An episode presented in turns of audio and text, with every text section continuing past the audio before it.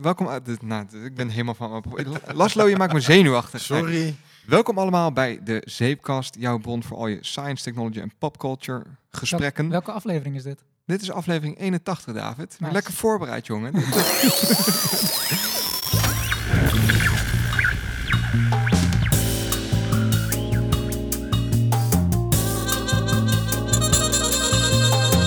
De Zeepkast. Opgenomen zondag 5 september 2021. Welkom allemaal bij aflevering 81 van de Zeepkast, jouw bron voor al je science, technology en popculture gesprekken. Tegenover mij zit David. En schijn tegenover mij zit Sander.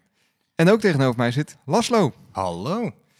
Hey Laslo, wat leuk dat je er bent. We hebben je vorige episode al even kort geteased. Hè? Even, Ja, even heel kort Ja. geroepen van we hebben nu iemand die doet de edit voor onze eh, episodes.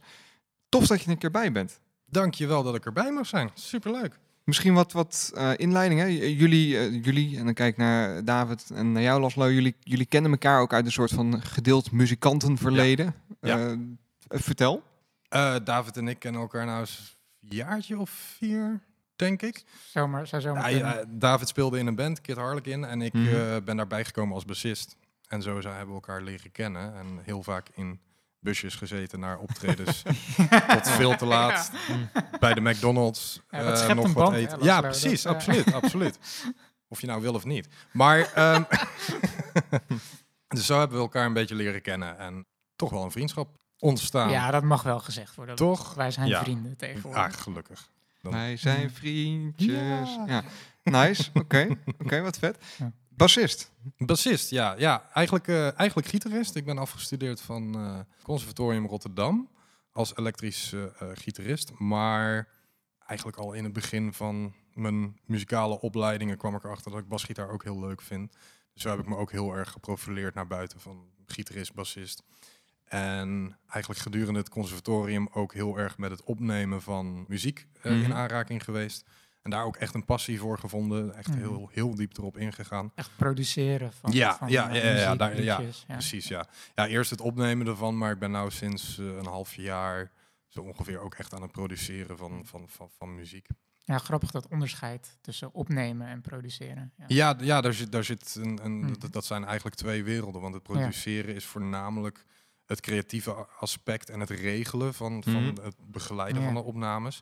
En het opnemen zelf is heel, kan heel technisch zijn en heel... ehm, Meer de audio engineering kant. Ja, eh, kan, ik het dan zo voor me zien hè, dat er een stel van die guys zit met z'n allen in de studio en er zit iemand aan alle mengpanelen te, te, te, te rotzooien om het op te nemen, zeg maar. Vervolgens wordt op een USB-stick wordt bij je afgedropt en wordt gezegd, eh, Laszlo, work your magic. En dan ga je alle levels eh, ga je gelijk trekken. ja, dat, Dat is het mixgedeelte, zeg maar. Oké, Ja, dus Ik je, zie nu die meme vormen met what, what people think I do, what Ja, my ja, mom ja. thinks I do, what Ja. I really do. zeg Ja. maar. Klopt. In, nee, in, in- inderdaad, inderdaad. Nee, ja, het, het is, je, je hebt eh, dedicated engineers. En dat zijn inderdaad de, de, de, mensen die aan de knopjes zitten Ja. tijdens de opname. En dan heb je de mixers, die maken het allemaal mooi. Dat het mooi klinkt, zoals Mhm. het op de radio klinkt. En dan heb je als laatste in, in de chain, zeg maar, heb je, heb je de masteraars. Die zorgen ervoor dat het helemaal alle puntjes op de i staan. En, en, en dat het helemaal Ja, te gek precies, klinkt. precies. Ja, ja, ja, ja. en ja, als producer, wat, wat, wat pak je daar dan van? Bijna, bijna alles. Bijna alles. Eh, behalve dan dat ik de drums inspeel en zelf zing. Dat doe ik niet. Nee? Eh, of zo min mogelijk in ieder geval. Eh, als producer, het laatste project wat ik heb gedaan, kreeg ik de demo's van, van een artiest.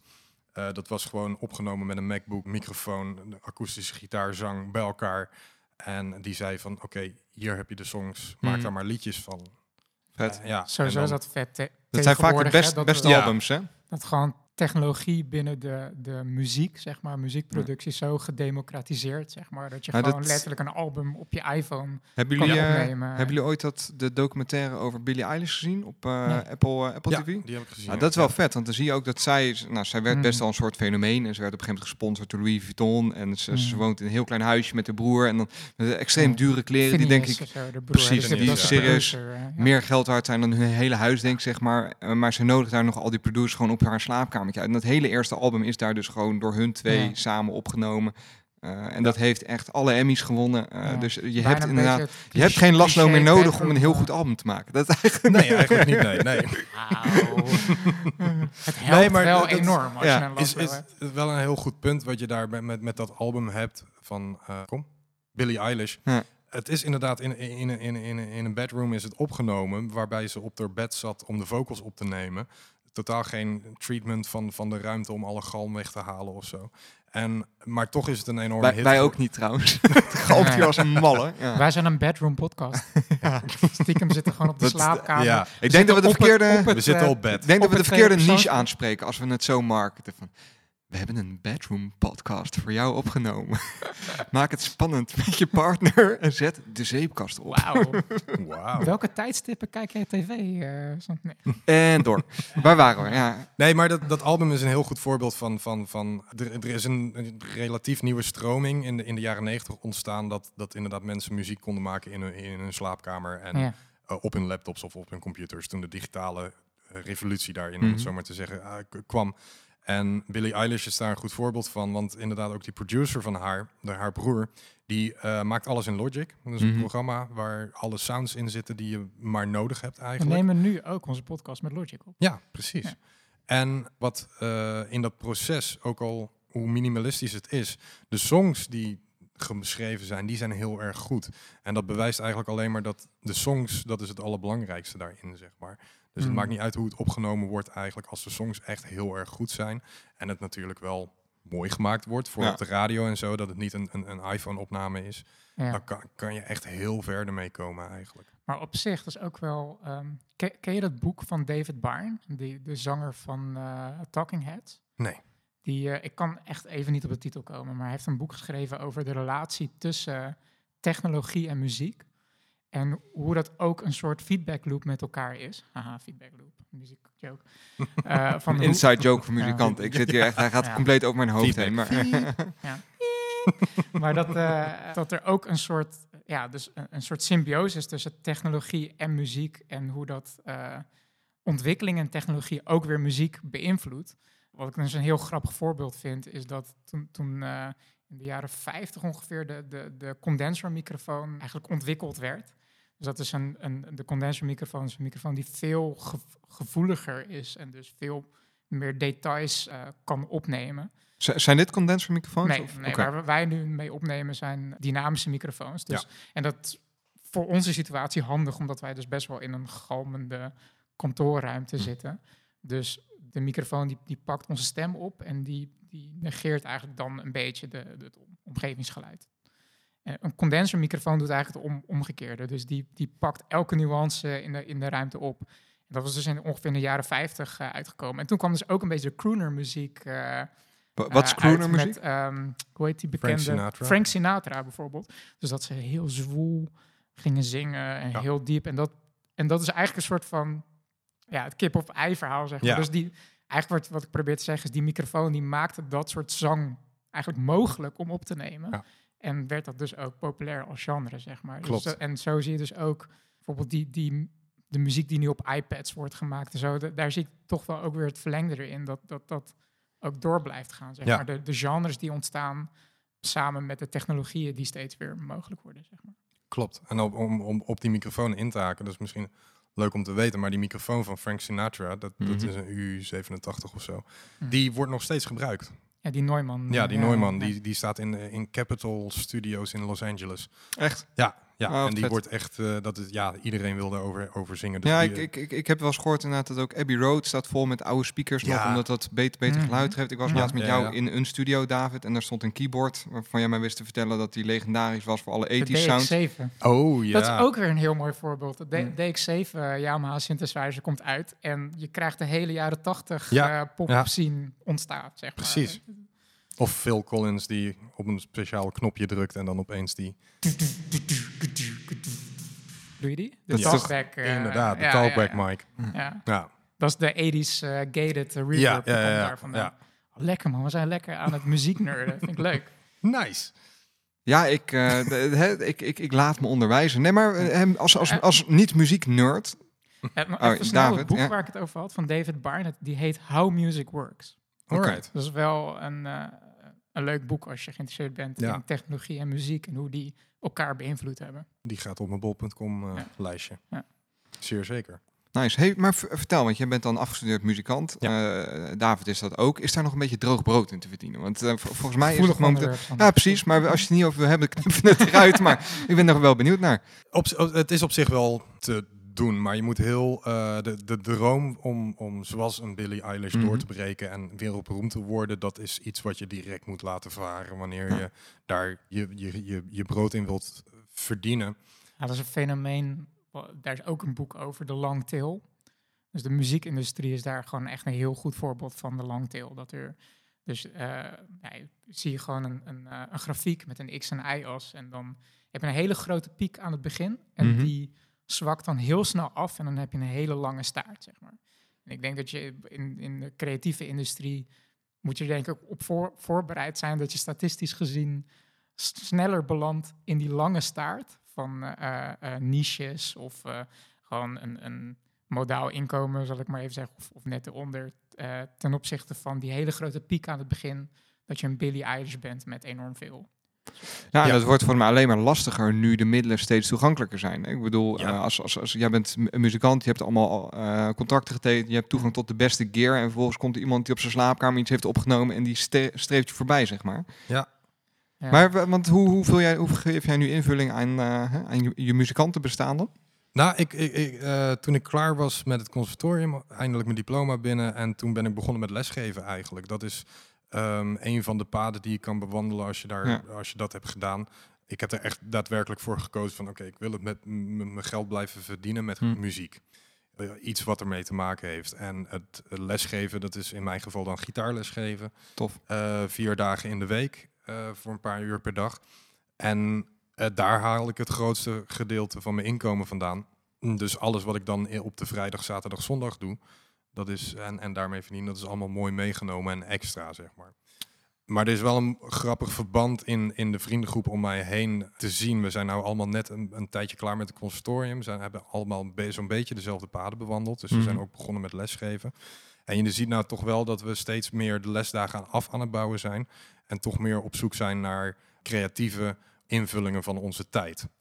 Zeg Wel maar. vet ook. Ja. Ja. Het, het lijkt me af en toe heel stressvol, maar het lijkt me ook wel een heel... eh, hè, de, de, de- geen dag is hetzelfde. Nee, nee, absoluut niet. En ook geen, geen enkele les is hetzelfde eigenlijk.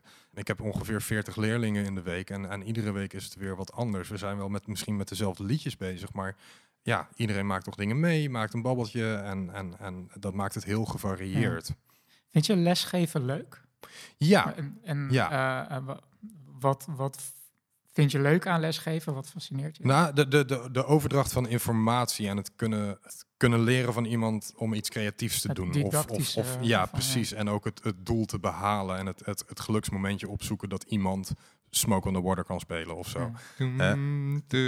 Ja, die heb je denk ik al aan, aan 500 man Ja, geleerd. ja, ja, die, dat is echt les een kunst 1. op, zi- Ja. kunst op zich, hè? Eh, Het, het overbrengen van kennis. En, eh, Ja, cool, absoluut. En, en gelukkig daar, de, eh, het geluk daarvan is wel dat gitaar spelen of, of, of wat voor instrument dan ook heel fysiek is. Dus het is heel ehm, relatief makkelijk, zeg maar. Het is, je moet je wijsvinger moet je op het eerste vakje van de bovenste snaar zetten. En Mm. als je dat een beetje hebt uitgelegd wat de bovenste en de onderste snaar is, dan kan iedereen kan dat, zeg maar. Want ik doe ook workshops namelijk daarnaast eh, af en toe. En dat is meestal op de basisscholen. Dus dan heb je het over kinderen van 5, 6, 7 jaar oud zo ongeveer. En dan echt zo'n groep van 12 tot 24 kinderen met kleine gitaren, ukuleles. En Ja. dan ben ik ook meneer gitaar trouwens. En, eh, Meneer gitaar. Ja, ja, ja. Ik, ik ja. weet niet waarom, maar ik moet ineens gewoon aan South Park denken of zo. Ik weet niet.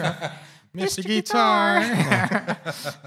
Juist. En ehm, dat, dat, dat is ook superleuk. En dan, dan, dan is het ook gewoon heel, heel doelgericht en, en fysiek bijna. Wat ik net zeg. Van ja, wijsvinger op één vakje houden Ja. en dat doorschuiven op één snaar. Dus dat, is, eh, dat, dat, dat vind ik wel heel leuk eraan. En die geluk, geluksmomentjes er, daar, daar, daarin zoeken. Dat, dat het iemand lukt om te spelen wat ze, wat, ze tof vinden, zeg maar. De muziek die ze tof vinden. Da- Daarover gesproken ben ik gewoon dan benieuwd naar. Hè. Je, je Mhm. zegt tof vinden. Als, als muzikant, hè. stel je wordt morgen wakker en je bent bekend. Je bent eh, de grootste bassist van Nederland en eh, ook groot in de wereld. Ja. Welk genre? Idealiter. Wauw. Ehm, v- eh, dat Da- da- is da- 50-50. da- Ja, dat is, nee, dat is echt 50-50. Of eh, toch wel, eh, mijn, mijn roots liggen wel bij de metal-achtige muziek, Nice. zeg maar. Dus wat, wat zwaardere eh, muziek. Of eh, een hele functionele bassist in een, in een moderne country band. Een moderne country Ja. band. Ja.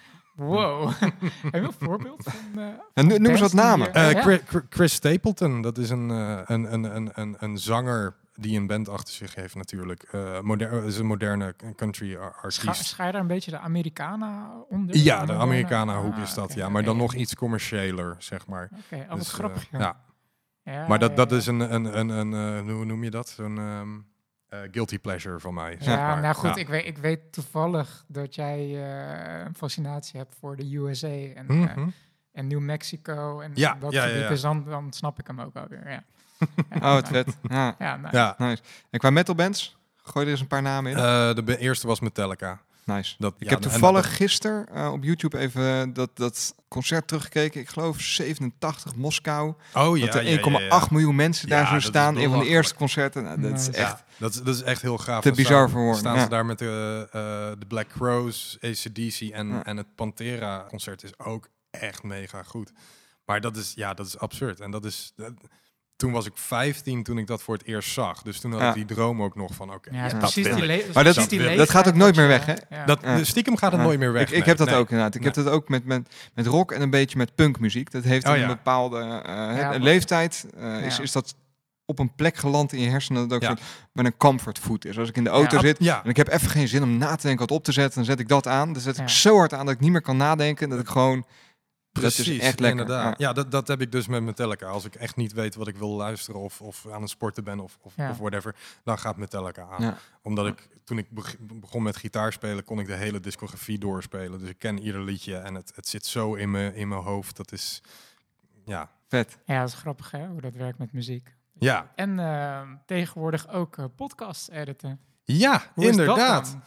Ja, superleuk. Want ik, ik ben heel erg de breedte ingegaan. Hè? Dus, dus eh, niet alleen muzikant of, of, of eh, gitaar spelen of zo, maar ook het editen van dingen, maar mixen. De, ja, de, de hele reutemeteut eigenlijk. En David heeft me daar een tijd geleden of zo eens een keer voor gevraagd Mhm. om dat te doen. En ik, ik had het eigenlijk nog niet gedaan. Dus ik heb er een paar YouTube-filmpjes over gekeken. En eigenlijk is het een beetje hetzelfde als het editen van, van, van muziek, zeg maar. Maar dan iets, eh, eh, iets eh, langer, zeg maar. En iets preciezer zelfs soms. Iets precies. Oh. Ja. Ja, ja, het editen van muziek kan heel snel een beginnetje en een eindje mooi maken zijn. Hmm. Terwijl bij de podcast is het heel erg opletten wat er gebeurt, wat er gezegd wordt. opletten op het verhaal wat er verteld wordt. En dan Hmm. toch proberen het een vlot ding te maken. ja, precies. Een vlot gesprek. Want nu komt een beetje een soort van dus de, het geheim naar boven. dat we gewoon voor 80% poep lopen te praten. Ja, Dat allemaal... Onze, onze opnames zijn wordt. negen uur lang. En Ja. dan, juist. Ja, er wordt bij elkaar geknipt tot een soort coherent verhaal. Precies, dus het, het is ook we eigenlijk... lezen gewoon een job. woordenboek voor. Ja. En Laszlo pakt daar woorden uit en die knipt die aan elkaar. Ja. Ja, precies. Uh, dus ik, volgens mij heb ik het verhaal een keer eerder verteld, maar er is één keer in, in de pot, in de zeepkastgeschiedenis een situatie geweest dat dat bijna een soort van gebeurd is, dat er een soort van verhaal verteld Waar ging werd. dat ook weer over? Ja, dat ging over, dat weet ik nog, over eh, de maan Enceladus. Mm. En dat er allemaal feiten omheen werden verteld, wat er allemaal niet meer klopte. En daar heb ik een soort van zinnen en woorden bij elkaar geknipt om het kloppend te maken. Zeg maar om een soort van de maan. Dus is... Ja. Ja, Ja, precies, ja. ja. Nou ja, je, je bent al onze, onze rots in de branding wat dat er gaat. Dat was wel, en dat, ik heb dat nou vorige keer ook verteld, dat het een beetje onze Achilleshiel is dat het, eh het nou ja, edit, in- eh, inderdaad, ja, zijn, ja. zijn, zijn, zijn twee kanten inderdaad. Want dat, eh, ehm, nou, ik, ik durf wel te zeggen dat we op, op een gegeven moment, eh, we doen het al best wel een tijdje, de zeepkast opnemen. Ja, ik zat laatst te kijken. Ik geloof dat onze eerste aflevering, zal ik eens even checken, die zit 28 mei 2015. Nou, dus dan zijn we wel... eh, We zijn geen echte podcast OG's, hè, want dan, dan ga je echt nog veel verder terug. Maar we zijn Ja. wel in Nederland eh, among the first few die ermee begonnen zijn, denk ik. Ja, ja, dat is echt een. Ja, ik heb, ik heb een keer een van onze eerste afleveringen aangezet en het viel me gewoon op dat onze stemmen ook gewoon wat, Onze- hoger klonken. Onze balletjes zijn eigenlijk ingedaald. Ja, precies, eh. ja. Dus je kan, je kan gewoon de evolutie horen van... Ja, ja. nee, maar eh, ehm, wanneer je soms dingen een poosje doet, op een gegeven moment kom je wel tot een punt van... ehm, tenminste, dat had ik... Ik praat nu eigenlijk vooral voor mezelf. eh, van... eh, ik wil bijna zeggen, waarom doe ik dit nog of zo? Dat Mhm. klinkt dan super negatief, maar... Maar je gaat op een gegeven moment reflecteren op alles gaat, wat je, je doet, gaat toch? reflecteren op van, eh, ehm, ja, eh, vind ik dit nog wel leuk en eh, waarom doen we dingen nog zo, zeg maar. Dus heb ik dat ook een keer eh, bij jou aangegeven en we hebben wel, even over gepraat van, we begonnen ooit uit een soort van enthousiasme voor technologie en we zijn nog steeds super enthousiast over technologie, maar we zijn ook wel anders tegen dingen gaan aankijken. En ik denk dat sowieso op een natuurlijke wijze is, is de inhoud van de podcast ook wel een beetje gaan evolueren, denk ik. Een van de grappigste dingen vind ik, denk ik, eh, dat er is volgens mij eh, een aflevering die, heet De Antifilosoof. En dat, dat ik echt een, zat ik in een periode in mijn leven dat ik echt gewoon uberwetenschappelijk dacht, zeg maar. En gewoon het nut van filosofie niet inzag. En tegenwoordig vind ik, koop ik gewoon filosofieboeken omdat ik dat leuk vind. En het gewoon grappig vind om, eh, gewoon leuk vind om, om een beetje te bomen over onderwerpen zonder conclusies te trekken, zeg maar. Dat is wel bijvoorbeeld Ja. een, een verandering. Maar op ook een ander niveau, eh, ik, ik deed altijd zelf de podcast editen en daar st- stak ik ook best wel veel, veel moeite in. En dat was wel ook echt Ja, iets want, ja, wa- waar ik op een gegeven moment heel erg tegenop zag. En dat ik het gewoon echt niet meer leuk vond. Dat het echt gewoon een soort... Het is alsof je een soort van enorme berg afwas he- nog hebt liggen, zeg maar. En dat, dat moet ik ook nog doen. En dan ga je dat uitstellen en zo. En eh, ja, dat komt de podcast niet ten goede, zeg maar. En eh, Nee, het, en, en het, het houdt ook op een gegeven moment je opnameproces op. Hè? Want als je, een, een- je hebt een afle- aflevering klaarstaan en die zo een week ligt die op de plank, ja, dan ga je ook niet een nieuwe datum inplannen om nieuw materiaal daar, want Ja. dan maak je die af, afwasstapel alleen maar groter. ja. Dus dat was, eh, en dat is, dat is ook, ook geen vingerwijs, want ik snap het heel goed. Nee, nee, ik zou er ook echt niet over moeten denken om een gesprek waar ik zelf al bij was, vervolgens dan terug te gaan luisteren. Nou moet je minimaal één keer helemaal terugluisteren, moet je nog een keer gaan luisteren om te gaan editen. Eh, ik kan me voorstellen dat dat best wel, hè, dat zal voor jou nu zo zijn, Laszlo, want je Nou, bent er nu bij. Ja. Ja. ik ben er nu bij, dus ik, ik ga dat verschil meemaken. Maar ik, Ja. ik denk dat je daar wel inderdaad een heel, heel goed punt hebt. Dat als je er zelf bij bent geweest, dat het dan... Ja, het, het gesprek zit nog vers in je hoofd. Je weet waar Ja. het over Ja. gaat. Dat, dat is een groot verschil ten opzichte van hoe ik er tegenaan kijk. Want ik krijg van, van, van Ja. David via Dropbox krijg ik de, de, de bestandjes toegestuurd. En eh, die laat ik in, ook in, in Logic. En dan, dan begin ik gewoon met editen. En dan ja. Alles is vers, alles is horen, nieuw. ja. Ja, Maar precies. het grappige is dat ik daar in het begin had ik daar nooit moeite mee.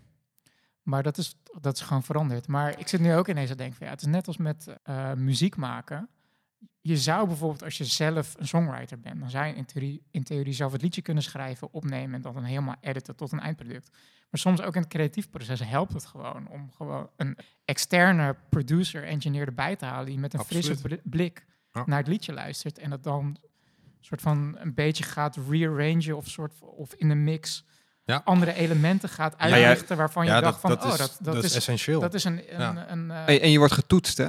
Dus eh, Ja. bepaalde aannames die jij hebt gedaan in, in hè, als wij een gesprek voeren, dan, dan kunnen we misschien aannemen dat iedereen al weet wat iets is. Of hè, dat we bepaalde shortcuts nemen of bepaalde stukken gesprekken die lopen helemaal niet, maar wij zien Mhm. dat niet meer. Nee, want nee, hè, we, nee. we- we snappen dat. En dat kan er door een extern iemand kan dat er wel, wel goed ja, dus uitgehaald ik worden. dat dat, Ik, eh, ik ben nog even benieuwd, hè, want dan gaan Ja. we zo meteen, vind ik het wel leuk om even te spreken ook over de evolutie van de zeepkast. Ik heb Mhm. gelijk een fragment voor ogen dat ik heel leuk vond, dat wil ik nog wel even, ja. even bespreken. Maar zo'n edit, hè? Misschien leuk voor onze luisteraars ook. Hoe ziet... Nou, nee, laat, laat ik eerst vragen. Zou jij zelf ook een toekomst zien als podcast-editor? hè? Je, je zit in de audio en podcasting aan zich is echt wel steeds groter aan het worden. Mhm. Oh, ja, abso- absoluut, absoluut. Want eh, dit is mijn eerste podcast die ik doe. Ik heb wel een paar kennissen van mij, heb ik met mijn kennis over het opnemen van geluid, heb ik wel al wat tips en tricks gegeven over het opnemen van een podcast. Maar het, het is wel degelijk een eh, ding wat ik heel goed uit zou kunnen bereiden, zeg maar. Wat ik mezelf ook wel zie doen. En, en hoe ziet dat edit-proces er dan uit? Hè? Of editor, of ed- dat edit-proces. Ehm, David die stuurt jou via Dropbox, stuurt jou onze bestanden en dan? Ja, inderdaad. Nou ja, de- ik, ik krijg die bestanden. We hebben twee mapjes, podcast in en podcast uit, Ja. eh, gemaakt. En ik krijg die bestanden, ik laat ze in, in, in, in, in Logic Pro. En daar hebben eh, David en ik hebben de eerste keer even samen gezeten om te kijken van oké, wat, wat mag er wel uit, wat, ma- wat niet. Met je overdrachtje. ja, een ja. over, ja, precies, een overdracht inderdaad. En op de basis daarvan heb ik een, een bestandje aangemaakt waar gewoon eigenlijk alles in zit. Ik heb toen die, na die eerste keer heb ik, heb ik alles mee naar huis toe genomen. Ja. En heb ik daar een beetje een, een eh, zoals we het ook wel zeggen, een sausje overheen gegooid. Van oké, eh, dat het mooi klinkt ook, zeg maar. Dat er een beetje galm weggehaald wordt. Dat de eh, volumes zoveel mogelijk gelijk blijven. Want dat is wel belangrijk, want Hm. mensen luisteren naar podcasts op eh, heel veel verschillende plekken. Ja, ja. Met veel verschillende soorten oordopjes, maar ook via de telefoon of via de stereo. in de auto. in de auto, inderdaad, wordt, eh, bijvoorbeeld. Dus dan is er altijd wel een beetje background noise. Dus die, die, eh, die volumes die moeten aardig gelijk zijn. Eh, en, en dat staat nu vast eigenlijk, eh, voor, voor het grootste gedeelte. En dan eh, heb ik wel eens contact met David erover van oké, hoe vind je het klinken? Eh, wat kan er beter? Wat, wil je, wat zou je zelf anders willen horen? En daar kunnen ook nog dingen in aangepast worden. Nou, en dan laat ik die, eh, om terug te komen daarop, laat ik die bestandjes, die laat ik in Logic. En dan haal ik meestal het begin ervan af, totdat jij de introductie begint te doen. En dan zit het muziekje van tevoren, die zit er al in, die staat al op de vaste plek. Ja, je hebt dan eh, een template gemaakt. Hè? Ja, ja precies, inderdaad. Ja. En dan ehm, zit er een hele handige feature waar David mij op, op, op, op heeft gewezen in, in Logic. Dat je sneller terug kan luisteren. Oké. Ja, dus je kan het versnellen.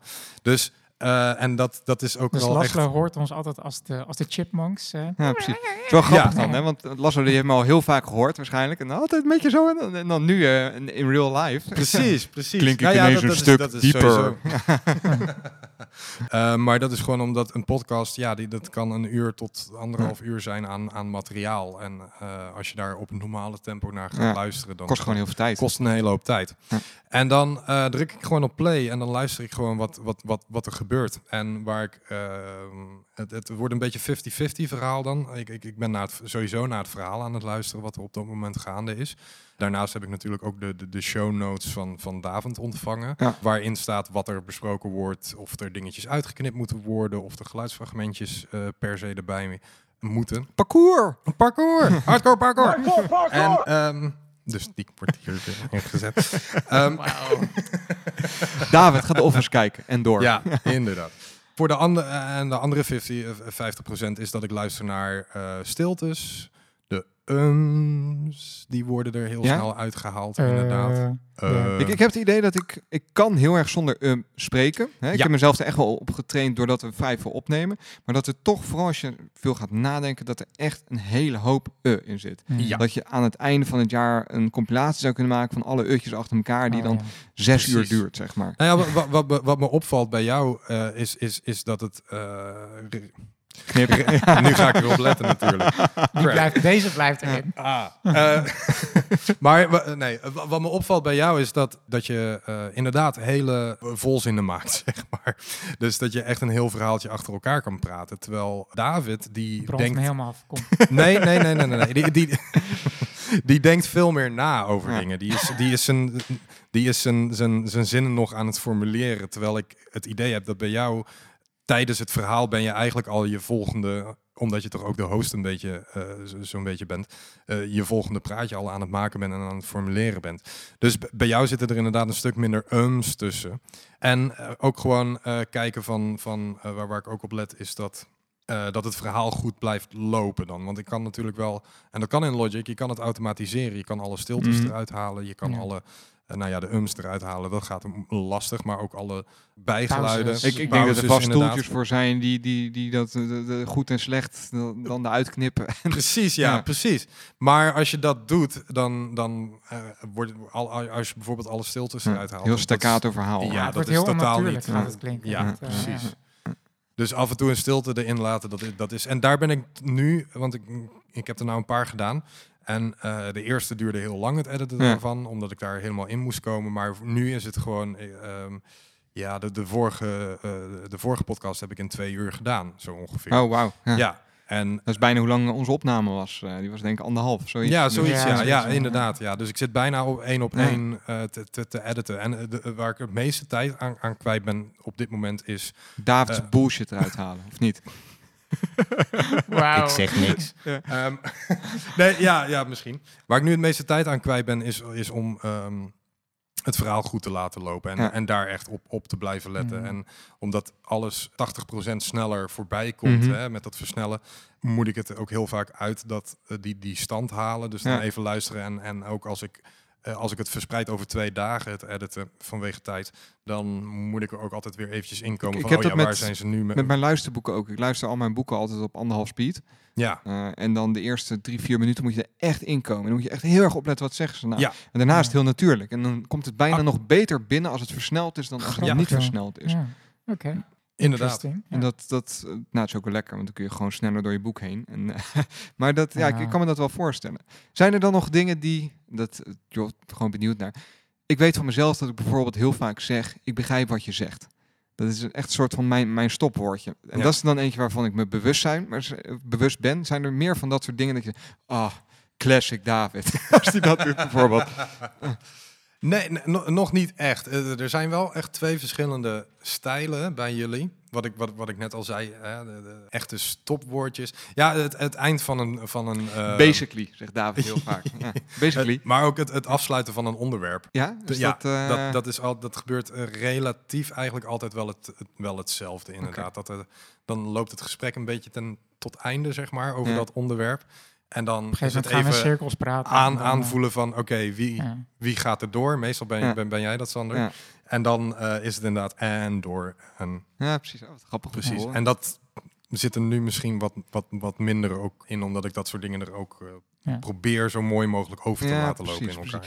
Nou, wat, en ik ga nu zo eentje doen, dus dat is wel mooi dat Ah. je het nu, nu live ziet. Nee, je mag, je mag maar ook hè, ter demonstratie. Maar wat, wat wel nice is, is dat jij ook naast onze, onze host ook heel erg dezelfde interesses hebt als wij. En Ja. eh, volgens mij, dat veel David, maar luisterde die ook graag naar de zeepkast voordat je onze editor was. Absoluut, Ehm, absoluut. Dus dat, dat vind ik heel prettig, want dan hebben we ook iemand die weet waar we het over hebben en die kritisch daarnaar luistert. Zoals vorige aflevering, nou, ik heb het ook tegen David al een Mhm. aantal keer gezegd, ik was daar best wel onzeker over. Of Was dat de, nee, dat was die Was daarvoor. avond die Ja, ja, daarvoor, was was die Ja, daarvoor. ja, Eh, ja. dat ik niet precies wist van ja, is nou wat we besproken hebben, klopt dat een beetje en Ja. loopt dat? En Dat zou ook ik een tegen David gevoel hoor. Ik heb dat ook wel eens met de aflevering. Ja. ik, Ja. ik heb ook David op zijn hart gedrukt en eh, van, van vraag even aan Laslo of hij dat nou gewoon kritisch kan doorluisteren. En als het gewoon poep is, knip het dan helemaal kapot of desnoods Ja. geef het aan, want dan gaan we dit niet uploaden. Want Ja. ik, ik weet het even niet. Ja. En dan, dan vind ik het heel fijn om zo'n fallback te hebben Ja. van iemand die dezelfde interesses heeft. Dus dat. eh, maar jij wou ook nog. Nou, nee, ik wou gewoon meer zeggen dat ik gewoon super blij ben eh, dat Laslo nu... Je hebt nu de afgelopen vier afleveringen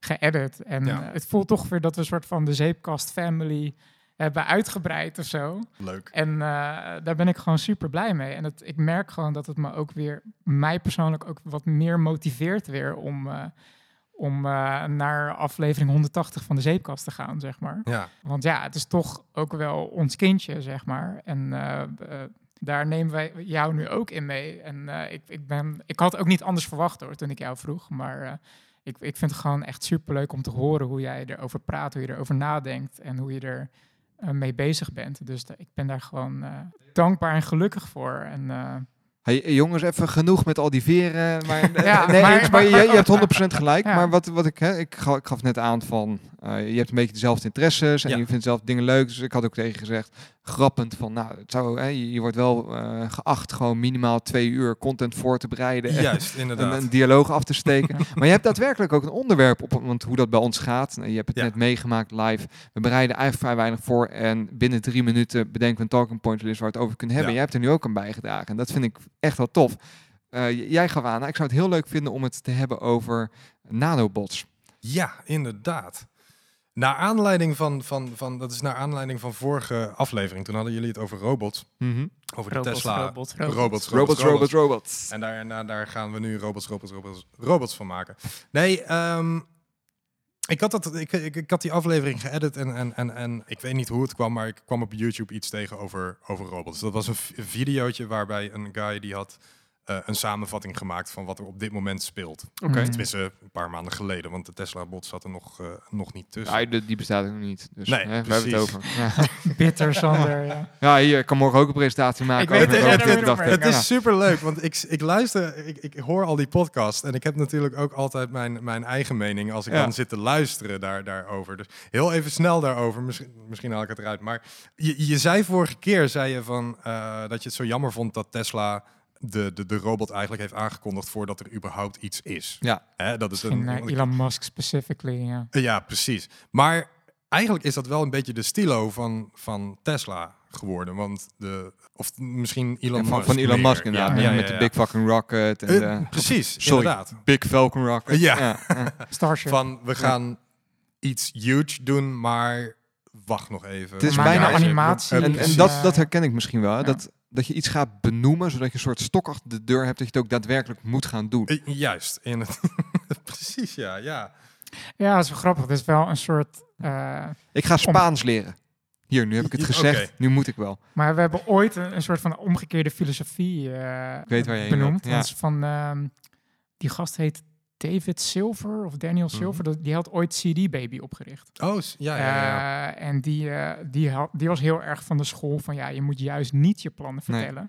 Want dan geef je je brein al een soort Endorfine eh, shot. endorfine shot van... Nou, dat komt, die endorfine shot Jongens, komt ik ga stoppen met roken. Oh, wat goed Ja. van je. Top, Juist. geweldig. Het- Ja, het- ja. Die, die Oh, endorfine shot wordt getriggerd door de reactie van anderen. Ja. Van dat je dus, eh, ik vertel tegen, of Sander vertelt tegen mij van, ik ga, ik ga Spaans leren. En dan zeg ik, ah, goed man, goed bezig. En dan creëer je eigenlijk al de reward in de, in het brein. Hoef ik niet meer te Ja. doen. Dat je, dat, je dat je dat eigenlijk gaat uitstellen en dat het, je verhoogt de kans dat je het dan juist niet gaat doen. Zeg Ja. Maar dat is een beetje de filosofie van eh, David, Daniel, Silver, die gast. Goals, Daar, daar ben ik het wel heel erg mee Ja. eens. Ja, zo Ja, ervaar en, ik het ook wel. eh, op Hm. zich, eh, ehm, ja, ik weet niet of dat. Ik heb dat dus ooit van hem gehoord. En dat heeft dan ook een, een zaadje in mijn brein geplant. En misschien is dat ook een soort self-fulfilling prophecy of zo. Dat zou het ook kunnen zijn. Want ehm, je merkt dus bij Elon Musk, die, bij hem gaat het dan wat minder op of zo. Die, die gaat er dan wel, wel echt Ja. voor. Dus eh, ja, Ja. interesting. Nou, de- ik kan me wel voorstellen dat het anders werkt als ik tegen jou zeg dat ik Spaans ga leren. Ja, Of ik ben de meest bekende gast ter wereld en ik En ga op tv het, roepen. je hebt ook het kapitaal om te Precies, doen. dat Ja, ik een robot ja, ga maken. Dat er dan misschien ook wel kritische dat mensen zijn die op een gegeven moment... Zeker Ja. waar, ja. maar daar ja. zit ook wel wat meer gedachtegang achter zo'n Ja. aankondiging. Ja. Waarschijnlijk een aantal maanden aan voorbereidingen en zo. Dus dan, dan, dan Ja, moet je denk wel je dat maken. echt bij deze robot? Ik vond, nou goed, eh, laten Ja, we, dit nee, hebben we vorige keer besproken, maar Nee, ik, eh, die dansende guy op het podium in dat pak, dat, nou, ja, dat deed het echt niet Ja, voor oké, dit is dan misschien... In, En de ja, ene ja, ja. slide die ze hadden met daar zes ja, punten ja, op, dat ja. vond ik Ja. gewoon... Maar goed, nog even, en dan gaan we door op, op de nanobots. ja, ja, ja. Maar eh, het, het is net zo crazy eh, als dat eh, Elon Musk zegt van... ik ben bang voor de AI-apocalypse. Ik, ik richt Neuralink op eh, om een, een brain-machine interface te bouwen. En dan denk je van, oké, hartstikke leuk. Maar ondertussen is hij wel... is dat bedrijf muizen aan het maken met een USB-C-poort Ja. in, in het hoofd, weet je. Ja.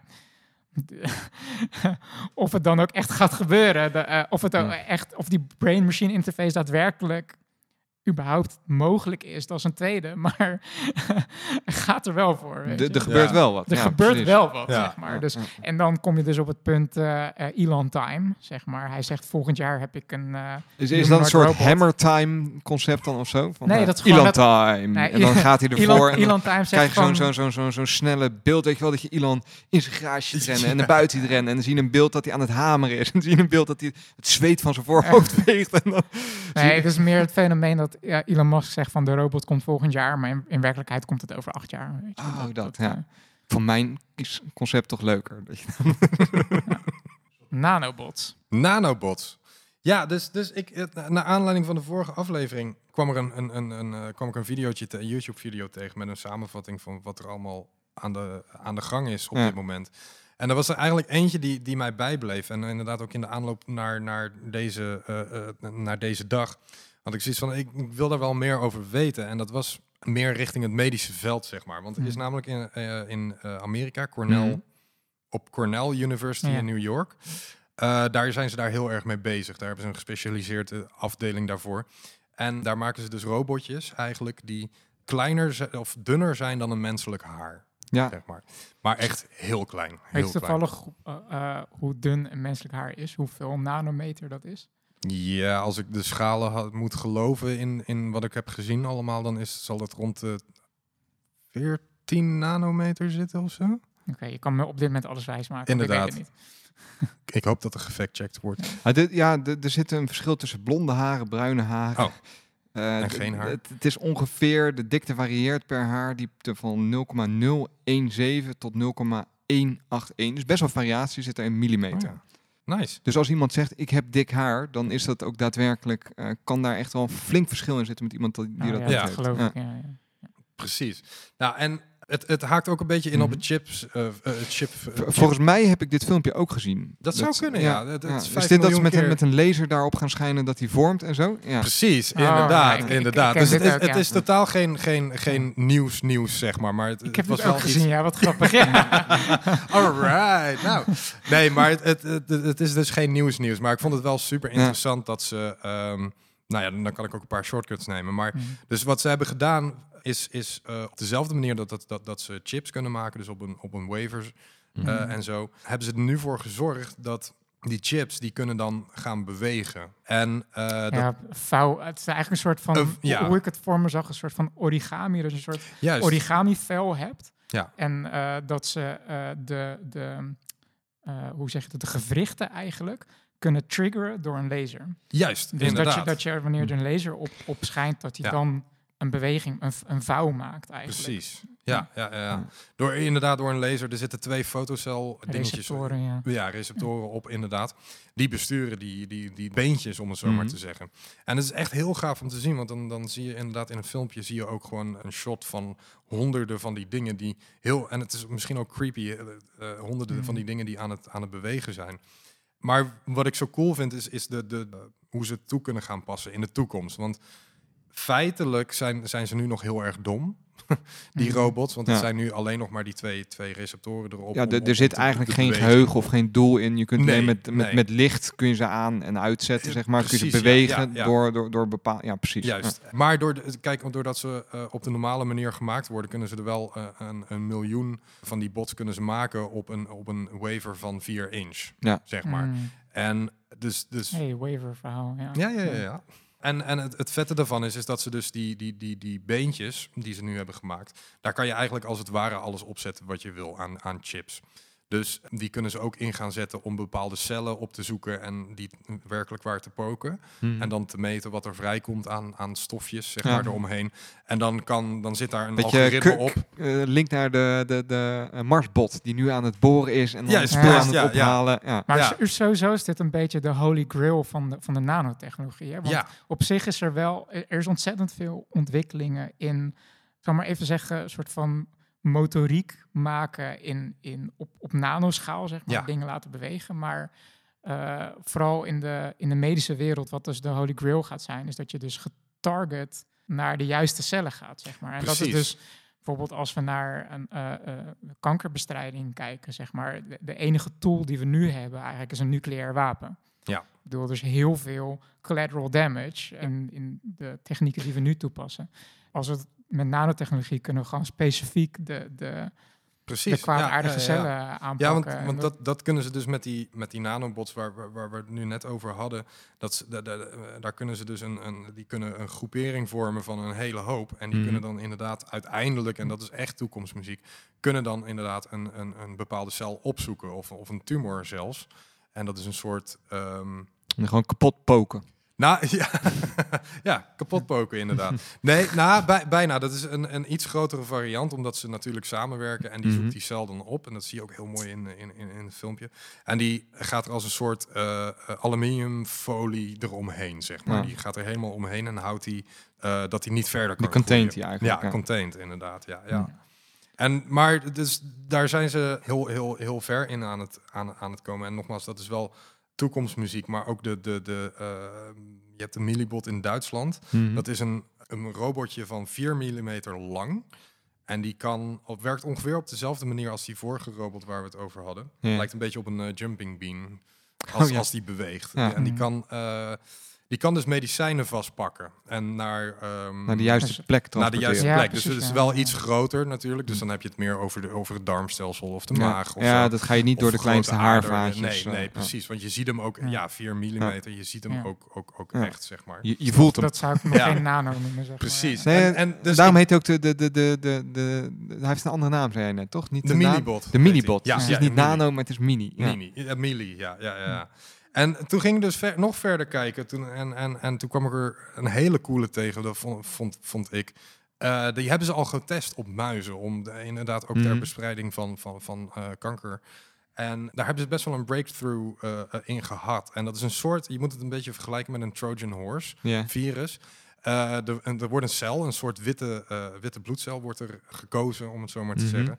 En daar worden magnetische deeltjes omheen geplaatst. Zeg maar. Die wordt helemaal gecoat in ma- Ja. magnetische deeltjes.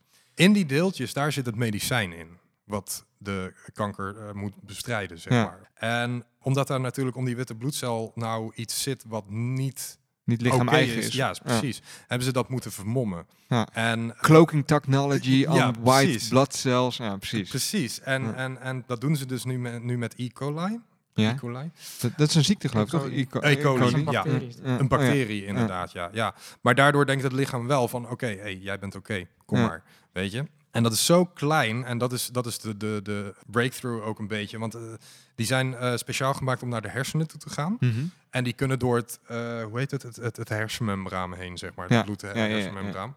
En als het lichaam het geaccepteerd heeft, dan zit dat daarin. En dan zegt het, nee, ik ben medicijn. Tada! Ja, Dus, en de. Spartanen Surprise! kwamen eruit. En, eh, Ja, precies. Dus het is echt heel. Het is ook. Ze hebben nou op muizen getest natuurlijk Mhm. eh, als, als, als eerste. Maar waar, waarom ik het ook interessant vond, was dat als je bepaalde mensen over artificial intelligence hoort praten en Mhm. zo, dan wordt het een beetje doom en gloom al heel snel. En de automatisering van, van, eh, van alle beroepen eigenlijk op, op, op, op de wereld. Ja. Maar dus ik vond het ook wel heel interessant om, om, om naar positieve dingen te Maar ik, ben wel heel zoeken. blij dat je dit, dit gesprek even hier ook komt voeren dan. Hoor. Want ik merk, en dan heb ik het ook wel vaker met David gehad, dat ik ook bij mezelf wel eh, af en toe eh, die, die, die hele donkere pet opzet, zeg maar. Dat ik best wel ook de, de downside van techniek steeds meer zie en Ja. daar ook wat in kan, Mhm. kan, kan blijven hangen. En vooral in de medische wereld zie je dat echt techniek heel erg bijdraagt aan. Nou, we worden ieder jaar worden we ouder. Ja. Eh, en dat aan zich, en dan kan je het nog hebben over hè, alle, alle denivellering die daarin zit. Of wie gaat dit dan beschikbaar worden? En Hmm. dat terzijde, dat de techniek aan Ja. zich ontwikkeld is, is wel, ja, dat, dat gaat wel iets betekenen. En ik, ik heb dit, en dat vind ik ook wel grappig om bij jou een keer te testen. Ik heb het hier met David wel eens over. Stel dat, hè, dat is even een Mhm. gedachte-experiment. We gaan hier dusdanig ver in dat we ouderdom kunnen bestrijden en dat we, hè, we- kunnen alle ziektes, zijn we de baas. Ja. We hebben eigenlijk hè, het menselijk lichaam hebben we uitgespeeld. Linksom of rechtsom weet ik niet, worden we gedigitaliseerd of eh, kunnen we nieuwe lichamen printen of nou, eh, er is een oplossing. Mhm. Zou je dat vet vinden? En zou je, hè, hoe oud zou je willen worden? Ik heb een boek gelezen daarover, naar aanleiding van de podcast. Oké. En ik ben weer de titel kwijt, David. The Metamorphosis of Prime Intellect. Oh, Thank ja, you, ja, ja, ja, thank ja, you. ja. Ja, ja, ja, ja. Die is luguber, hè? Dat Die is luguber, ja, ja, abs- absoluut. is wel Het was, hardcore. ja. ja, het- en het was ook echt dat, dat, dat roze olifant verhaal, eh, wat, wat, wat, wat David zei. Om Van, even uit te leggen, ik zei van lees het boek niet. Juist. En toen ging Laslo het Ja. juist Ja. lezen. Dus- Ja. En ik, ik, ik ben het denken inderdaad mensen direct roze gaan olifant, lezen. Dus daar, daar komt dat heel erg in, in naar voren eigenlijk. Hè? En wat je ook, ook al zei, het is Alhoewel, gedigitaliseerd. misschien zou ik... Ja, ik zie toch wel een nuance tussen eeuwig leven Ja, en... eh, eh, nou, de keuze van- tot stoppen. en, en na meer een soort van, van, soort van eeuwig leven, als zij- het eh, ehm, via digitaliseren of zo. mhm. Alhoewel, dat is dan ook weer een rabbit hole waar ik in wil gaan van... Don't go jij there. dan nog wel? Don't go there. Eh, ten opzichte van de, de, het verouderingsproces een soort van soepeler laat, laten lopen. Zo, eh, hoe gek dat ook klinkt. Mhm. Dus dat je wel gewoon, je wordt ouder en eigenlijk wat er. eh, Je- je kijk, gaat langer oud worden. Al, je- al jouw cellen die, die worden, worden vervangen. En ze zeggen ook dat rondom de acht jaar of zo heb je eigenlijk praktisch een heel nieuw Mhm. lichaam. Dan ja. zijn al je, al je cellen ververst. En het kopieerproces is niet perfect. Dus net als dat je een MP3 steeds opnieuw encode, dan gaat Ja. het MP3'tje steeds lelijker klinken. Ja. Eh, zo is het ook met ons lichaam eigenlijk. Eh, op een gegeven moment eh, ben je een MP3 die al twintig keer opnieuw is gekopieerd Ja. en dat klinkt dan echt zo, zeg maar. ja, precies. Dat is ja. eigenlijk- Een hele slechte cover van Smoke on the Water. Ja, precies. ja. Juist. zeg maar. Dat, Ja, ja, ja. Dat is eh basically het ouderdomsproces. En als we dat zouden kunnen oplossen door gewoon dat kopieerproces op 99% te zetten. Dus dat Mhm. je gewoon, eh, je wordt 85 en je voelt je nog steeds een twintiger, Ja. Mhm. zeg maar lichamelijk. Mhm. Dat is helemaal te gek. Ik weet niet of dat dan per se hetzelfde is als soort van... Het ligt heel dicht op elkaar, zeg maar. Mhm. Richting die immortality, zeg maar. Van op een gegeven moment, als het kopieerproces perfect is... Ja, dan kan je op een gegeven moment zeggen van... Ja, ik laat dat kopieerproces dusdanig doorgaan. Hoe, w- wanneer ga je dan dood, zeg maar? Ja. Ja, totdat je een keer een, een ongeluk krijgt of zo. En dat wordt dan immortality genoemd. Dus je bent lichamelijk gezien praktisch onsterfelijk. Mhm. Maar je kan nog steeds vermoord worden of zo. Of er kan wat met je lichaam gebeuren. En zet daar immortality te- eh, tegenover. Dat je een soort van je daar tegenover beschermd bent, zeg maar. Dat bijvoorbeeld, denk aan de serie eh, ehm, Altered Carbon. Altijd carbon. dat ja. je wordt vermoord, maar dan wordt er een nieuw lichaam met jouw consciousness ergens wakker. Ja. dan, ben je, Terminator. dan ben je Ja. immortal, zeg maar. Dus dat, Ja, eh, ja, dat- Eigenlijk zijn de, de, de elfen uit Lord of the Rings zijn immortal dan. En dus die, die, Ja. die, die, die Ja. leven oneindig, maar die kunnen wel door een ork eh, kapot gestoken worden. Ja. Ja, precies. Kapot Ja, gepookt nice. worden. Ja. Ja. Wauw. Elfen zijn immortal. Nou ja, Wat- om, Maar om, om terug mijn te komen- vraag, ja, precies. om terug te komen op je gedachte-experiment. Het, het, eh, de, de, de, de immortality, zoals inderdaad in dat boek beschreven, dat is een, een playground voor, voor alles, zeg maar. En, en dat lijkt me ontzettend saai, Mhm. uiteindelijk. Maar wat David net beschrijft, dat, dat lijkt me dan wel weer een stuk interessanter. Dan, want hoe je, ja, het het leven is nou eenmaal kort, zeggen mensen natuurlijk. Het, Mhm. Soms voelt het heel lang. Maar ehm, doordat het kort is en doordat er een eindigheid aan zit, doordat het op een gegeven moment voorbij is, je weet niet wanneer ook, dat maakt het nog spannender.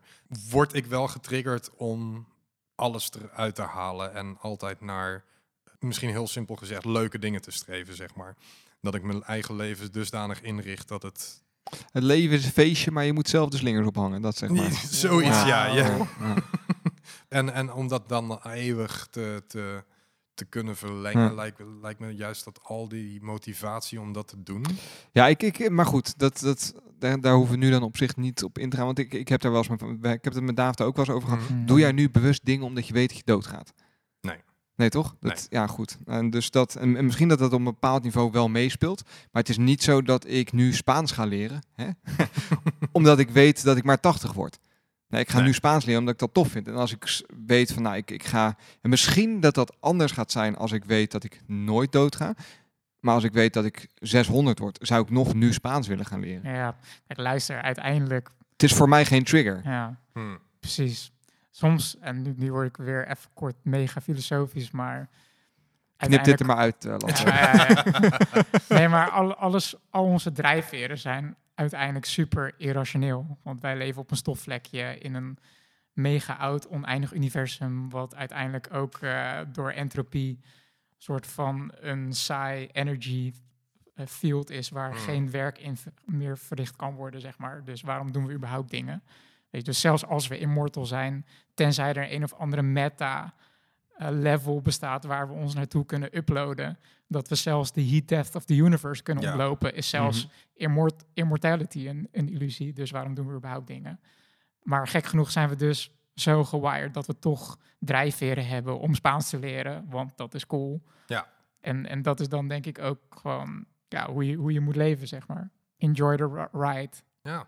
Maar vet, ik, ik word wel enthousiast van überhaupt het, het verhaal rondom nanobotjes. Ik vond dat verhaal over de, de, de, de, het vermommen van de witte bloedcel als een soort Trojan Ja. horse. Ja. Ik, eh, Ja. de- wa- wat ik het moeilijk aan dit allemaal vind, en ik ga dit onderwerp hier nou ook afbouwen, maar Ja. wat, ik, wat ik mooi vind hieraan is dat je, je beschrijft dingen die op een, als het logisch beschreven wordt, dan kun je het volgen. Dan snap je Ja. wat ik bedoel. Van, nou, we hebben een waver en dan gaan we dan hele kleine nanobotjes gaan we eruit snijden. En dan gaan we een soort vouwlijntjes in doen, zodat als er één drukpunt, als er op gedrukt Ja. wordt, dan vormen die als een soort origami huisje in elkaar, kunnen ze bewegen. Ja. Dat is heel simpel als je het zo uitlegt. wel, ja. ja. Maar het is extreem moeilijk. Ja. En je kan het je niet voorstellen omdat het zo klein is. Precies. en dat het er niet één is, maar het zijn er een miljoen. Juist. Dus er gaan een miljoen lasers die schijnen in jouw hoofd, al die dingen zitten. En die zijn dat eh, Ja. met dan een ingewikkeld dan patroon zijn ze licht aan het schijnen, Ja. dat al die dingen bewegen. En En dan vraag wordt ik me ineens- alsnog af of, of lasers dan uiteindelijk de beste oplossing zijn. Want dat is eh, Nou ja. la- de laatste opmerking die ik over dit onderwerp wil maken. Want. Uiteindelijk, de natuur heeft dit al, al lang opgelost. Weet je. Er zijn bijvoorbeeld animaties van,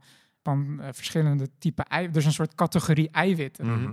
Die ook een soort van motorisch eh, bewegingsmechanismes hebben. Je kan het op YouTube checken. Er zijn animaties gemaakt van een eiwit die dan stofjes verplaatst. Ja. En dat ziet er gewoon letterlijk uit als twee benen Klopt. die ja. op een soort... eh, eh, maar we praten hier echt op, op atoomniveau, hè? Dat ze, of nee, in molecuul, Nee, mo- zeggen, molecuulniveau. Ja, ja, ja. Eh, atoom is net iets te klein. op molecuulniveau dat er gewoon twee benen op, op een soort draadje aan het lopen zijn. En dat ziet er voor ons uit als lopen. En dat het bijna een soort mensje lijkt met een, een ik. Ja. Maar het, het, zijn, het is gewoon een hoopje moleculen die puur op basis van natuurwetten en, en eh, eh, ja, een soort van eh, aantrekkingskracht van... eh, Tot een object. tot, tot tussen tussen moleculen, zeg maar. Mhm. dat een, iets motorisch gebeurt, zeg maar. Dat Ja. een been eh, door, ik, ik zeg maar even stel alsof het allemaal magneetjes zijn en dat het do- door een magnetisch veld dat een beentje naar voren getrokken wordt, Ja. dat het achterste been loskomt en dan weer naar voren ge- getrokken wordt. Dat zijn van die zieke dingen die in, in, in cellen gebeuren. Klopt. En ik ben al heel benieuwd of wij dat op een gegeven moment kunnen nabootsen, zeg maar. Zoiets.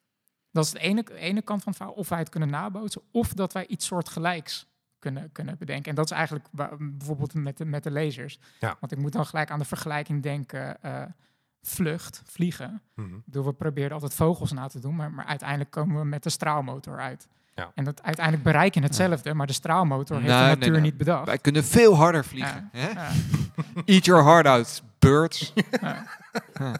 Ja. Ja. Even, hè? Zo gaat de podcast heten. Eat your heart out, bird. Ja. Wij kunnen veel harder vliegen. Nee, waar ik het nog wel graag met jullie over zou willen hebben, en ik weet er eh, te weinig vanaf om het technisch erover te hebben, maar ik vind het hele fenomeen eromheen vind ik heel interessant. En dat is het fenomeen van NFT's, hè, dus non-fungible tokens. En eh, we, hebben het hier al een keer eerder over Nou. gehad, maar jij vertelt me dat het nu echt helemaal crazy Het gaat nu echt bad shit crazy. Eh, dus NFT's, dat is eh, op de Ethereum blockchain. Dus je hebt allemaal Mhm. verschillende blockchain technologieën en er kunnen dingen, moet je van me aannemen, er kunnen dingen leven in die blockchain. Mhm. en er kan dus in die blockchain kan ook je eigendomsbewijs van alles eigenlijk leven. En dat, dat heeft heel veel positieve eigenschappen. Eentje ervan kan zijn dat je als artiest kun je dus jouw kunstwerk als NFT digitaal verkopen. Dus ik heb Ja. een digitaal kunstwerk gemaakt. Ik verkoop het eigenaarschap van dat kunstwerk aan jou. Mhm. En algoritmisch is het zo dat niemand anders kan dat kraken of kan dat. Jij kunt altijd aantonen, Ja. ik ben de eigenaar van dit digitale Dus kunstwerk. eigenlijk wat je zegt is dat je een bewijs voor een object, Mhm.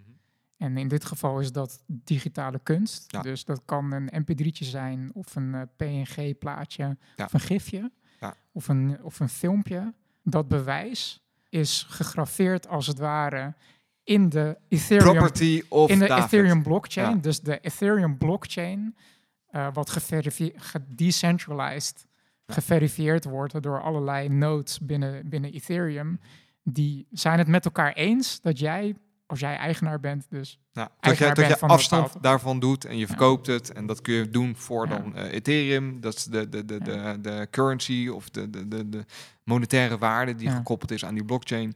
En dat concept vind ik echt tof. Eh, en dan, dan kun je vaak de discussie voeren van... eh, ik kan jouw plaatje gewoon één op één kopiëren. Eh, dan heb ik hetzelfde plaatje. Maar het is niet zozeer het plaatje dat de waarde vertegenwoordigt, maar het is het eigenaarschap ervan.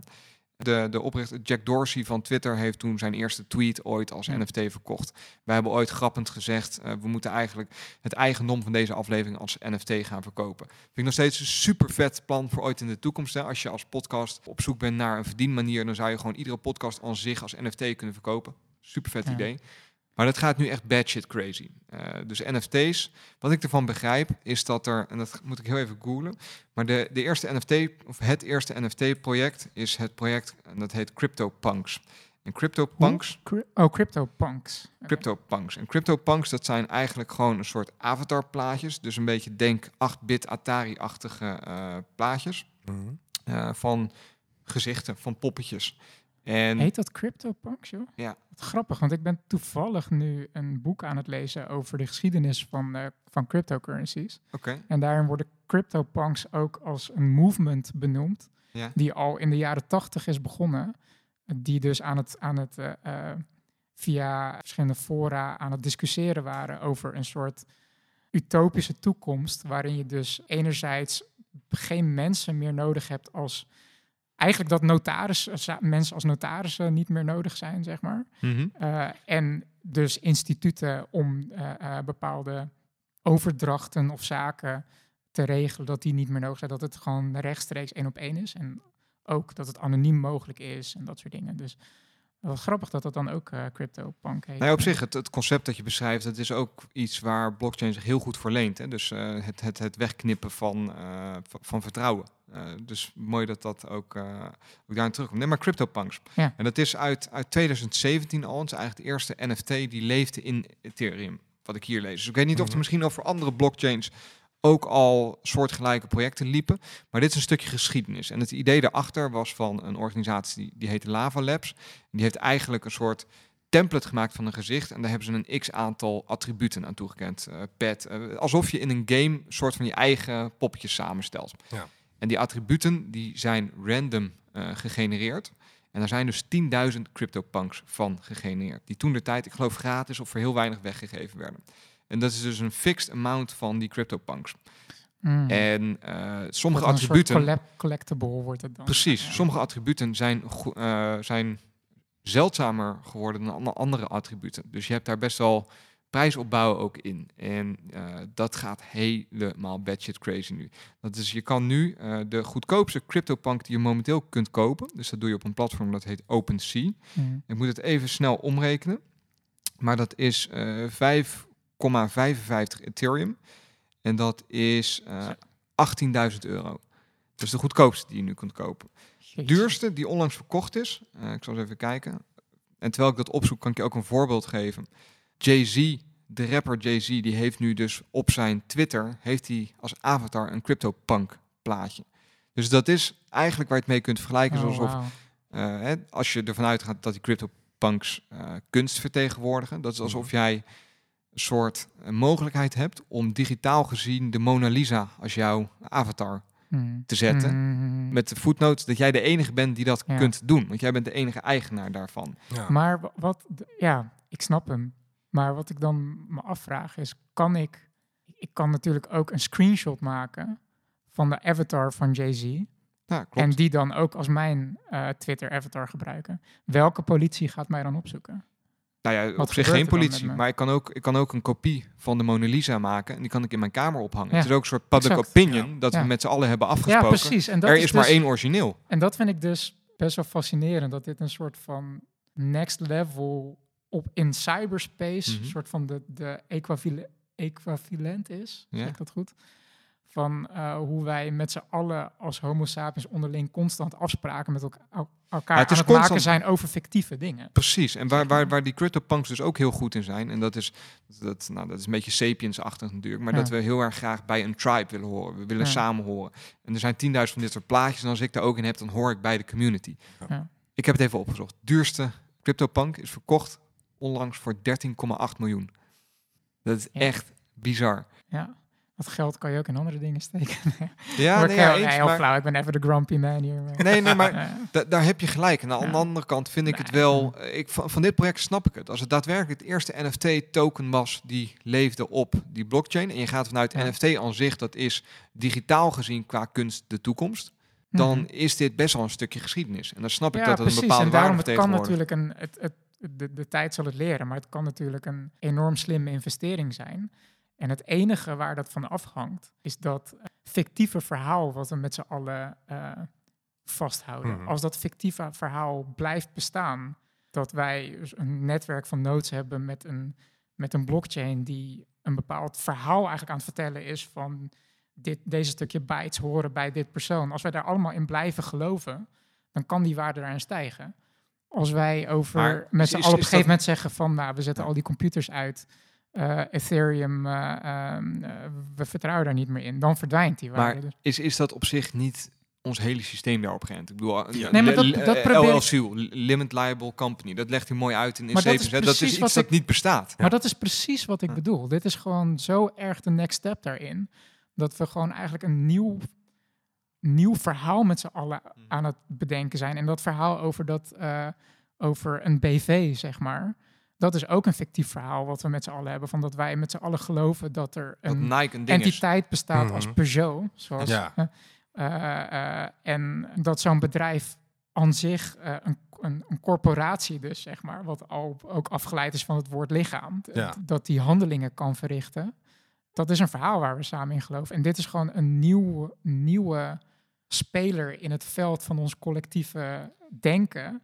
Een, een nieuwe vorm van corporatie, de Ethereum blockchain. En ik ben dan benieuwd of dat dus ook dat lang gaat volhouden tot het punt dat wij gewoon met z'n allen gewoon bijna vergeten dat het een fictief verhaal is. Ja. Snap je? Dus ik, ik, ik, vind het, eh, ik vind het leuk om te volgen. Om een beetje die. Ja. Ik volg op Twitter nu allemaal van die, van die traders. En dat zijn dus echt heel veel ook gewoon een beetje van die, tenminste zo stel ik het me voor, echt van die trash talking script kiddies die, die, die tweets de wereld in slingen dat je die echt zes keer moet lezen voordat je snapt wat ze nou een beetje bedoelen en dan gaan ze nog echt praten, poepen, gaat het nergens over. Die gewoon shit kopen van 2, 3 ton.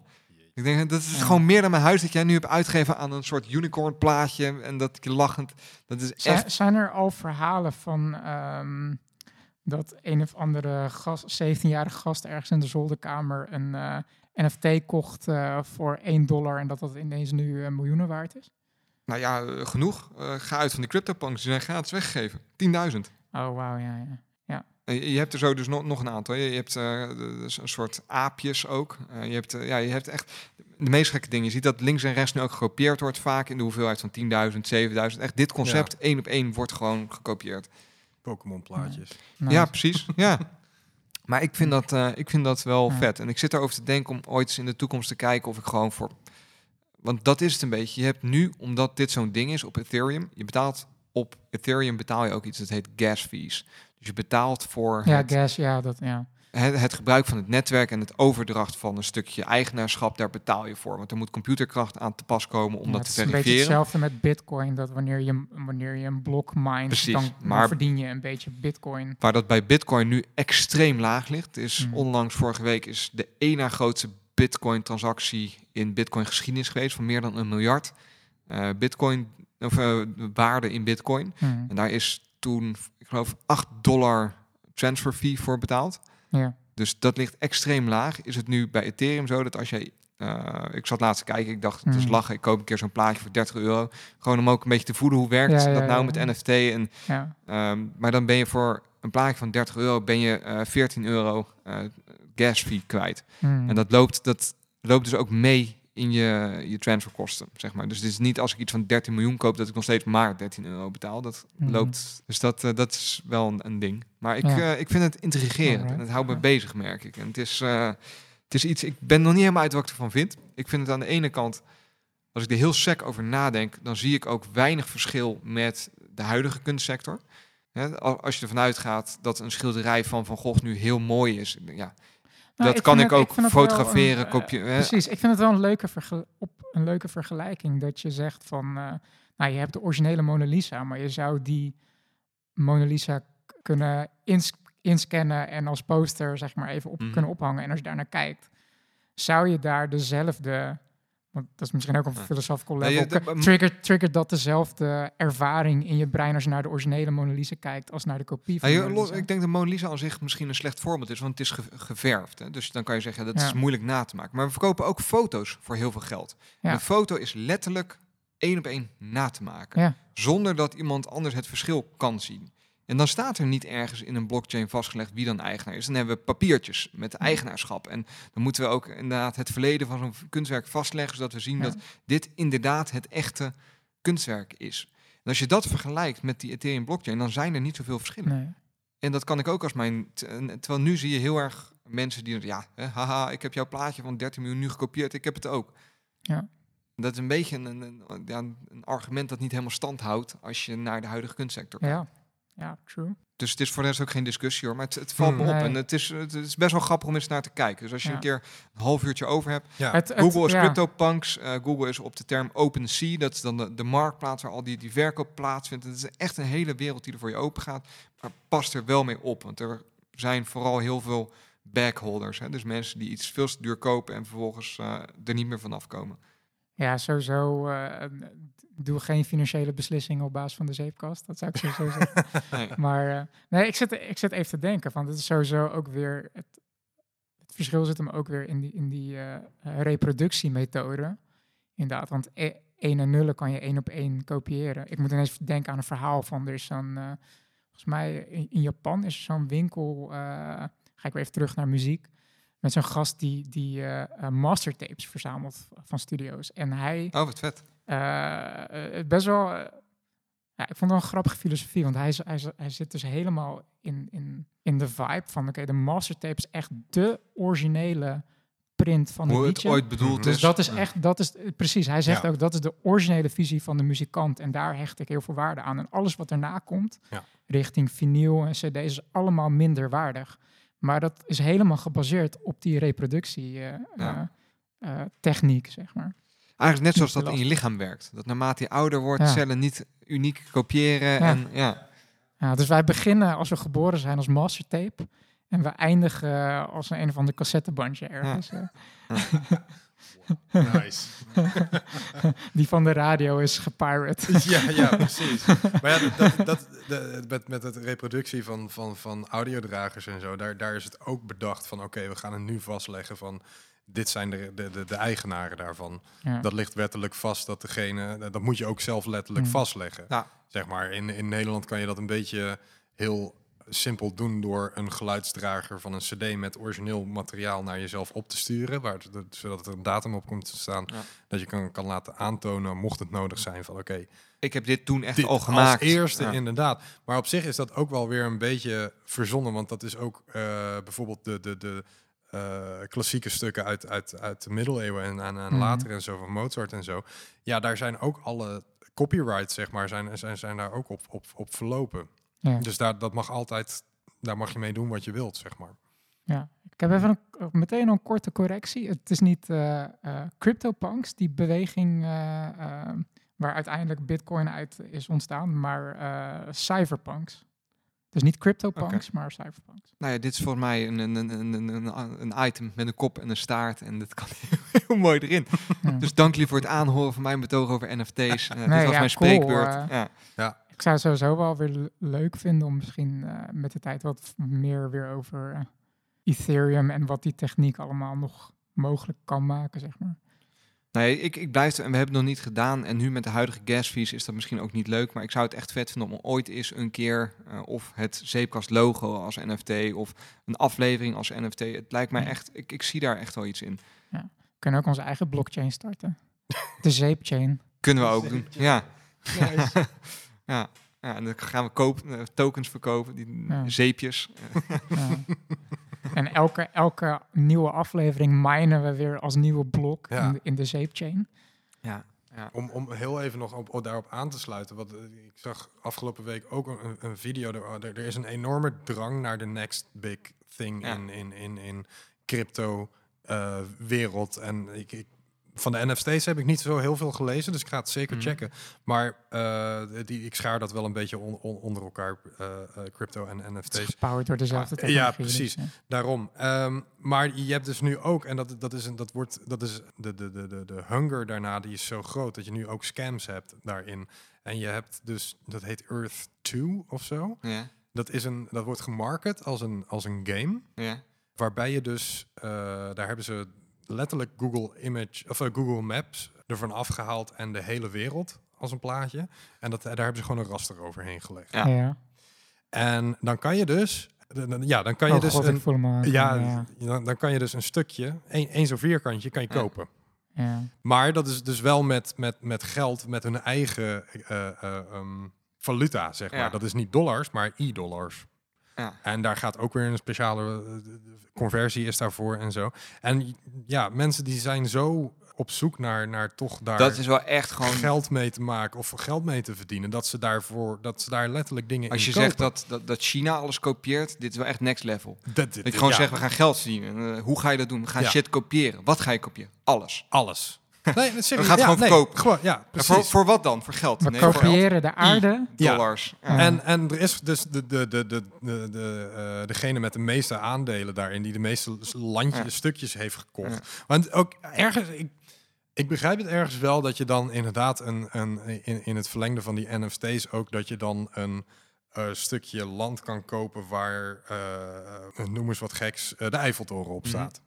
In een game kan ik me dat voorstellen, maar niet dat je er echt, echt wat voor moet betalen. En, en de, de guy die dus het meeste, of, of iemand, degene die, die, die het meeste ervan heeft, die heeft gewoon 500.000 dollar daarin gestoken om dingen Ja. te kopen. Crazy. Ja, het- er zijn meerdere voorbeelden dat er binnen computergames ook hele economieën ontstaan. Denk aan EVE Online Klopt, ja. of eh, Second Life. Ah, vet. Eve Klopt, Online. Ja, ik heb het nog nooit gespeeld, maar ik zou het er graag een keer over willen hebben. Super vet. Ja. Ja, nee, maar er is een, er is een hele economische eh, crisis geweest in EVE Online. eh. Klopt. Uit, uiteindelijk heeft alles waar we als mensheid waarde aan hechten, heeft waarde. Ja. Totdat Het wij besluiten ik- dat het geen waarde meer heeft. Ik wou weer zeggen waarde. van op het moment dat, dat we eh, als eh, Hunter-Gatherer Society besloten van we gaan schelpjes, eh, eh, Ja. we gaan betalen met schelpjes. Toen is er vast ook al, eh, eh, eh, zijn er mensen geweest die, die het systeem probeerden te, te hacken, zeg maar. En, eh, Die zelf schelpjes gingen printen met hun 3D-printers. ja, precies. Ja. Ja. Ik heb Ja. nog één tip voor jullie. En we zijn al best wel weer even aan het opnemen. Ja. Dus ik denk dat we hem daar gewoon mee gaan afsluiten. Ja. En dat is dat dit weekend is de Formule 1 van Zandvoort. Sterker nog, over twee uur wordt die gereden. Dus deze aflevering gaat niet online staan, denk ik. Kijk Laslo aan. Nee, Voordat ik mijn best doe. Nee, Over precies. één uur al, volgens mij. Deze aflevering gaat niet online staan voordat de race gereden is. Toch wil ik hem jullie als tip meegeven. En dat is omdat als tech enthusiast is Formule 1 een tussen haakjes sport. Want dat is het echt. Eh, nou, die gasten die gaan fysiek door het een en ander. Ja. Die heel dicht tegen techniek aanschurkt. En dat is best wel leuk als je daar wat in zit. Dat je er ziet hoe erg eh, het met aerodynamica te maken heeft. Er zitten hele teams achter. Er zijn de hele zalen vol met analisten die ieder stukje data aan het analyseren zijn. Mhm. En dat gebeurt bij voetbal en gebeurt bij andere sporten gebeurt dat ook. Maar nergens heeft het zo'n directe impact als bij Formule 1. Hè, waar eigenlijk de, de coureur die moet goed zijn, maar die is ook maar een bestuurder van zijn vehicle.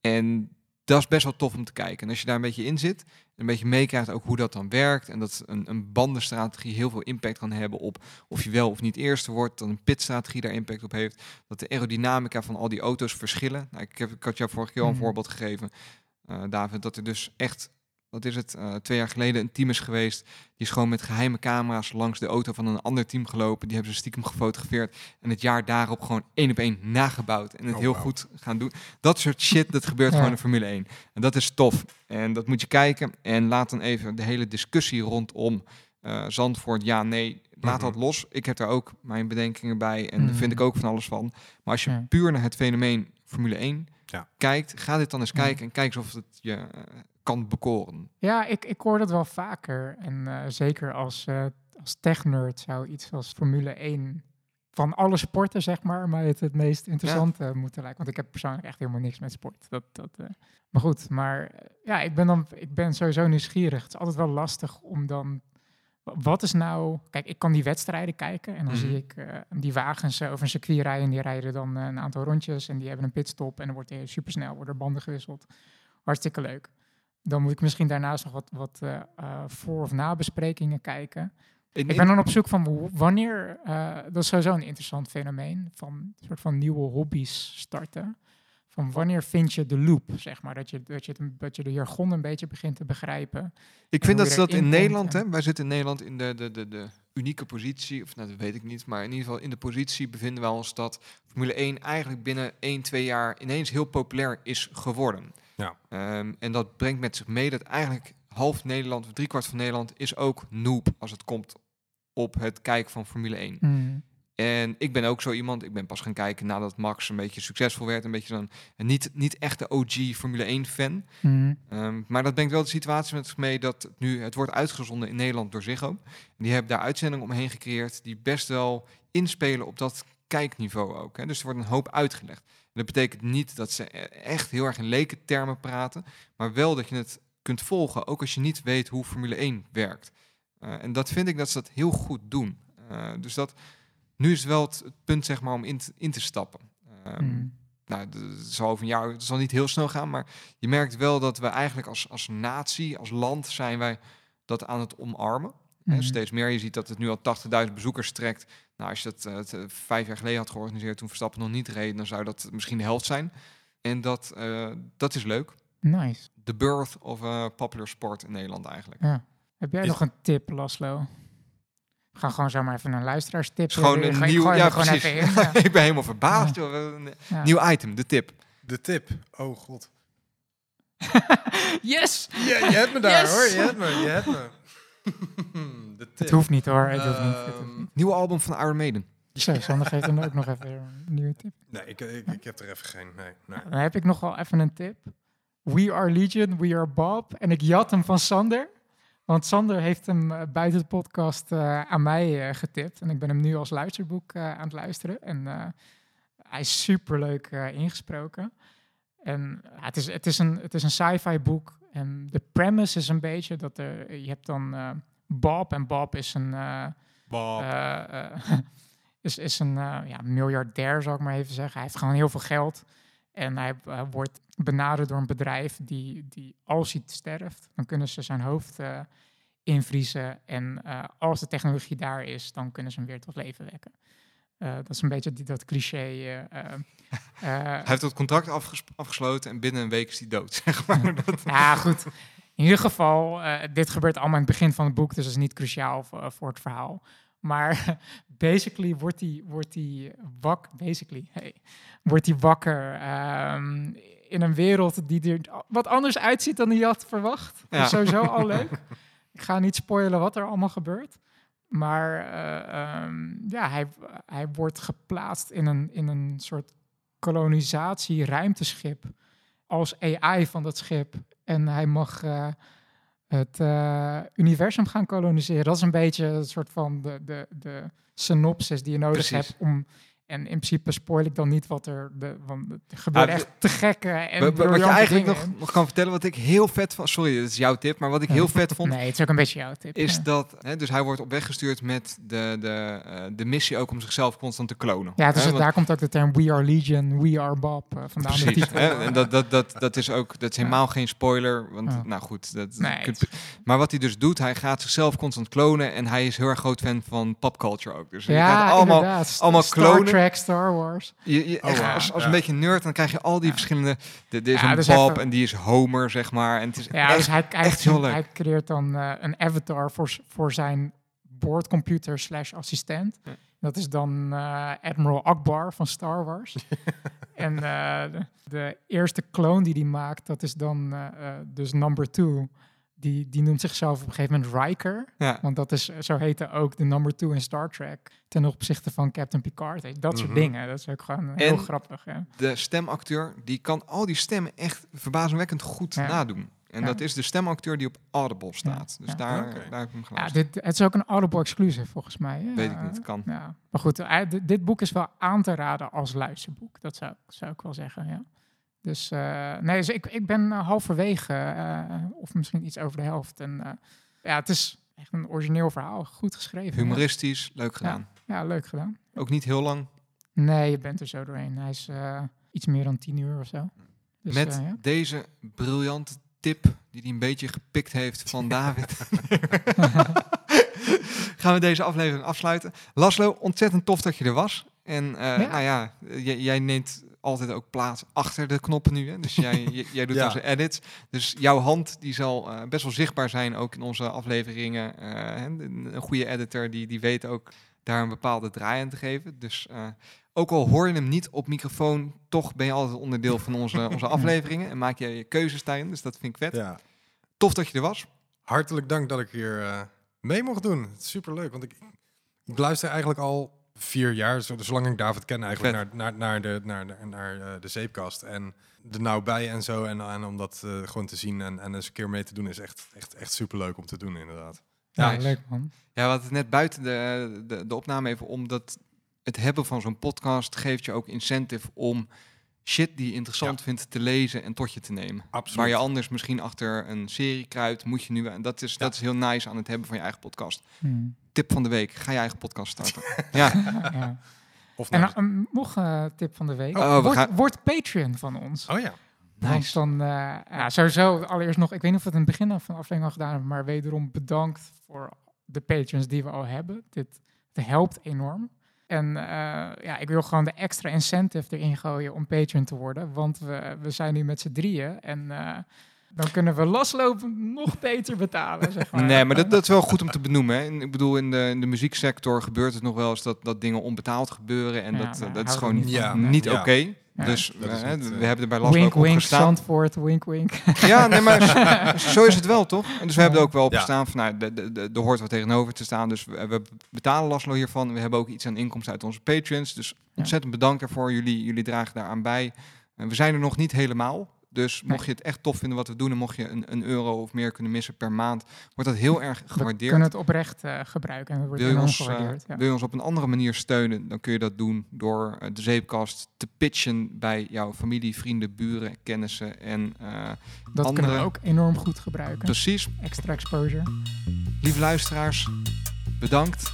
Live long and prosper. Ciao. Doei doei.